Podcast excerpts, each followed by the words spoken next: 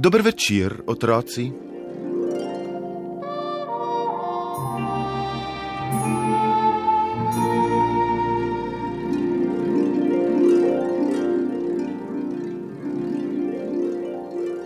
Nekoč je živel fant, ki je imel smolo pri vsem, česar se je lotil. Nočem biti vse življenje nesrečnež in siromak, si je dejal mladenič in stopil k kralju po nasvet, kako bi obogatel. Kralj ga je pozorno poslušal, vendar mu ni znal pomagati. Toda kraljeva hči, ki je prisluškovala pogovoru, je stopila k fantu in mu rekla: Če bi bil rad bogat, se moraš poročiti z bogato nevesto. Kje pa naj jo najdem, je hotel vedeti mladenič. Mene vzemi za ženo, mu je predlagala kraljična. Na gradu so kmalo slavili poroko. Kralj je dal hčerki precejšnjo doto in prej revni mladenič je postal premožen meščan in trgovec.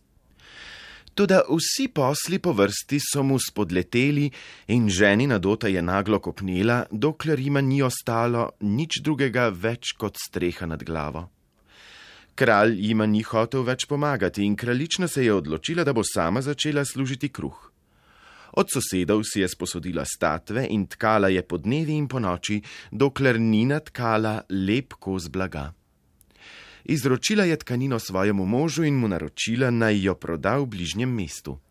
Mož se je res odpravil z blagom k trgovcu v mesto in mu ga ponudil. Trgovcu je bilo blago všeč in je vprašal: Hočeš za plačilo denar ali naj ti dam koristen nasvet? Seveda bi mi denar prišel zelo prav, dober nasvet pa še bolj, je pomislil mož in rekel: Povej mi svoj rek. Kjer je vrba, tam je voda, mu je rekel trgovec in spravil blago na polico. Mož se je vrnil domov in priznal ženi, da je blago zamenjal za nekaj besed. Žena je bila jezna, vendar ni rekla ničesar. Usedla se je k statvam in začela tkati novo balo blaga. Ko je bila gotova, je poslala moža v mesto, da bi prodal natkano blago. Mož je prispel k istemu trgovcu kot prvič in mu ponudil kupčijo. Trgovec mu je spet plačal le z dobrim nasvetom in je rekel: S prepirom se ne zgladi spora. Ko se je mož vrnil tudi tokrat brez prebitega groša, ga je žena pošteno ozmerjala, na to pa spet sedla za statve in natkala še lepši kos blaga. Tudi tega je mož nesel v mesto k trgovcu, ki mu je predlagal: Prodaj mi blago za tretji nasvet, kaj ti brez njega sta prva dva brez vrednosti. Prav, povej mi še tretji rek, morda se mi bo sreča nasmehnila prav zaradi njega, se je strinjal mož. Dvigni meč, vendar ne zamahni z njim, se je glasil trgovčev tretji rek. Mož se je vračal domov, a sredi poti ga je postalo preveč strah ženine jeze, pa se je raje napotil v pristanišče, kjer se je udinjal za mornarja in odplul s prvo jadrnico na odprto morje. Dolgo so tako pluli po širnih morjih, ko so pripluli do nekega otoka, na katerem je prebivala četa vojakov.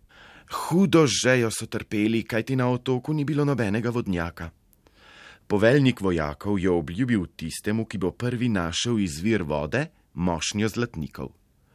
Mož se je spomnil prvega trgovčevega reka: Kjer je vrba, tam je voda. Poiskal je na otoku kraj, kjer je rasla vrba in jo izruval iz zemlje s koreninami vred. In glej, iz zemlje je privrela voda.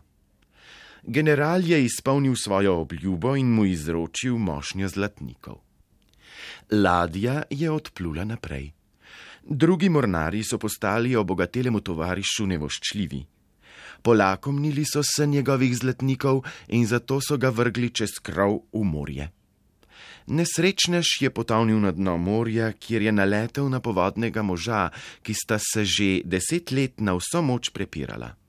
Reši naj jo prepira, pa ti dava v zahvalo osem vrčev polnih zlatnikov, sta prosila mornarja. Mož se je domislil drugega trgovčevega reka in je dejal: S prepirom se ne zgladi spora. Povodna moža sta si segla v roko in za zahvalo odmerila rešitelju osem vrčov zlatnikov. Z zakladom vred sta ga ponesla na površino in ko so mornarji videli, kaj se je zgodilo, se mu niso upali več storiti nič žalega. Ladja je nekoč spet priplula v domače pristanišče in mož se je odločil, da bo obiskal svojo ženo. V kočo je stopil že v mraku in zagledal na posteli spečo ženo, ob njej pa na vsaki strani po enega mladca.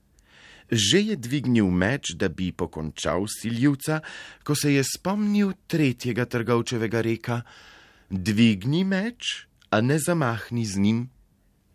Spustil je meč in prebudil speče.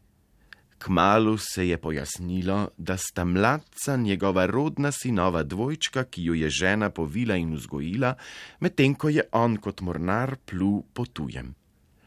Veliko veselje je zavladalo v koči, še posebej potem, ko je mož pokazal svoje bogatstvo, ki si ga je pridobil, ko se mu je zaradi trgovčevih rekel sreča le nasmehnila in usoda obrnila na bolje.